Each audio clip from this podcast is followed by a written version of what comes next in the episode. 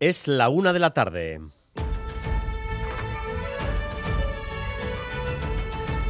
Crónica de Euskadi con Dani Álvarez.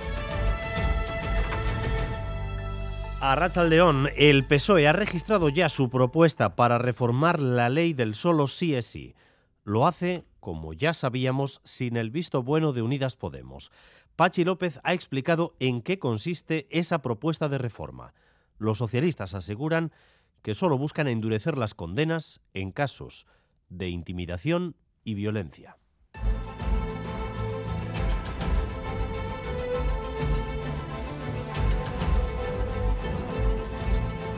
Este planteamiento es, sin embargo, muy delicado para Unidas Podemos, tan delicado que lo lleva al límite de tocar el corazón de la ley, que es el consentimiento.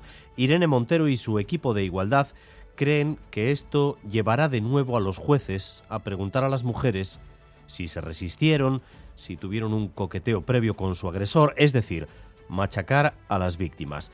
Entonces, ¿con quién quiere aprobar esto el PSOE, Nerea Sarriegui? Pues insisten que aún se puede aprobar con Unidas Podemos y con los socios de investidura y que están abiertos a hablar ahora durante la tramitación parlamentaria. Se aprobará, dice Pachi López, con los que quieren que esta ley se ponga en marcha y el PP, insiste, siempre se ha opuesto. Pero si los morados y el resto de grupos de izquierda se oponen, el PP pasaría a ser clave. Empieza ahora una nueva negociación. Y luego está la explicación de si jueces y juezas pueden o no evitar las rebajas de las condenas. Porque hoy, en Navarra, le han dicho no a la rebaja de condena a uno de los de la manada, Ollane Arangoa. Adelante, Ollane. Enseguida vamos Ángel Boza, sí. Ángel Boza había pedido que se le redujese la pena de 15 años a 13 años y 9 meses por la violación grupal de los Sanfermines de 2016. Pues bien, la sección segunda de la Audiencia de Navarra desestima esa rebaja porque entiende que esa pena de 15 años también se le puede imponer con la nueva ley de los delitos contra la libertad sexual, es decir, con la ley del solo sí es sí. El gobierno en el punto de mira, los jueces en el punto de mira. En unos instantes va a estar con nosotros en directo la presidenta de la audiencia de Vizcaya, Reyes Buenaga. Otro asunto que vuelve, como cada cierto tiempo, es el endurecer, endurecer otras condenas, en este caso por llevar navajas o armas blancas.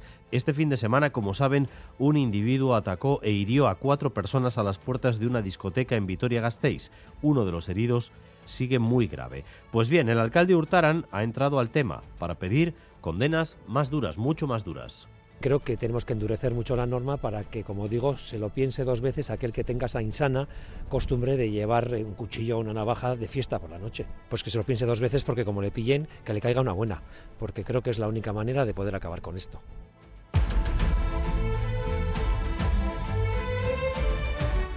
1.300 muertos es el último dato conocido sobre las víctimas que deja el terremoto de 7,8 grados en la escala Richter que ha sacudido Turquía, Siria y otros países de la región.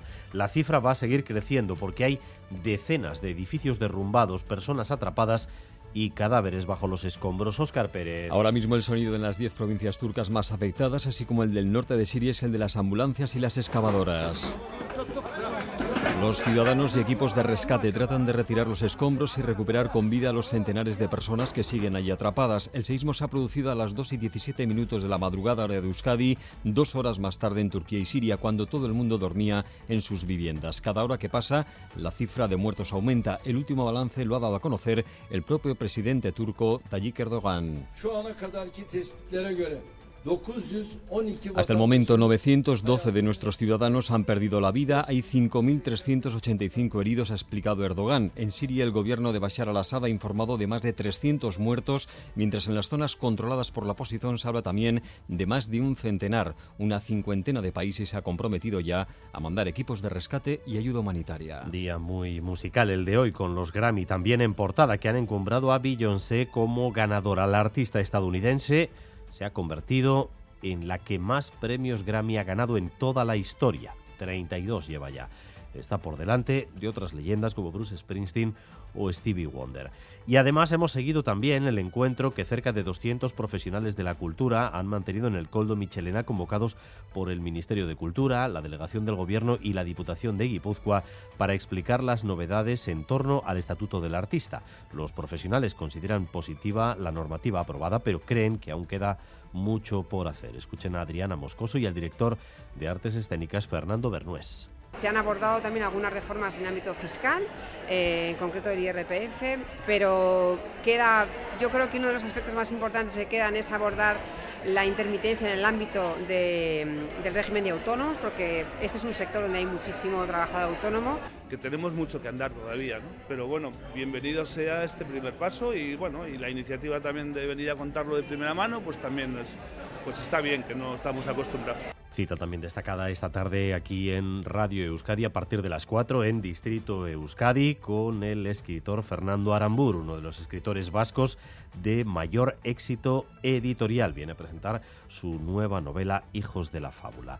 Y vamos también con lo más destacado del deporte con Álvaro Fernández Cadierno. Arrachaldeón, Álvaro. Arrachaldeón con la Real, que pese a perder ayer en Anoeta ante el Valladolid, sigue con ocho puntos de ventaja sobre el quinto clasificado en esta lucha por la Champions. En el caso del Athletic, con nuevo embajador, primero fue John Ran el elegido.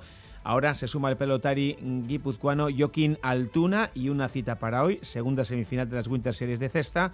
Goicochea y Echeto se van a medir esta tarde en Guernica, Abarandica y Lequerica. A esta hora cielos prácticamente despejados en la mayoría del país. Así vamos a continuar durante toda la tarde. A últimas horas se van a producir se empezarán a producir de nuevo heladas en puntos del interior. El Departamento de Seguridad va a establecer de nuevo el aviso amarillo por este motivo a partir de medianoche. Los termómetros marcan 10 grados de temperatura en Bilbao, 8 en San Sebastián y en Bayona, 7 en Iruña, 6 grados de temperatura en Gasteiz. Gracias un día más por elegir Radio Euskadi y Radio Vitoria para informarse. Raúl González y Yayone Menjón se encargan de la dirección técnica y Aitziber Bilbao de la coordinación. Este lunes en Gambara, Borja Semper, el portavoz de campaña del Partido Popular, a partir de las 8 de la tarde en Radio Euskadi. Gambara, con Arancha García.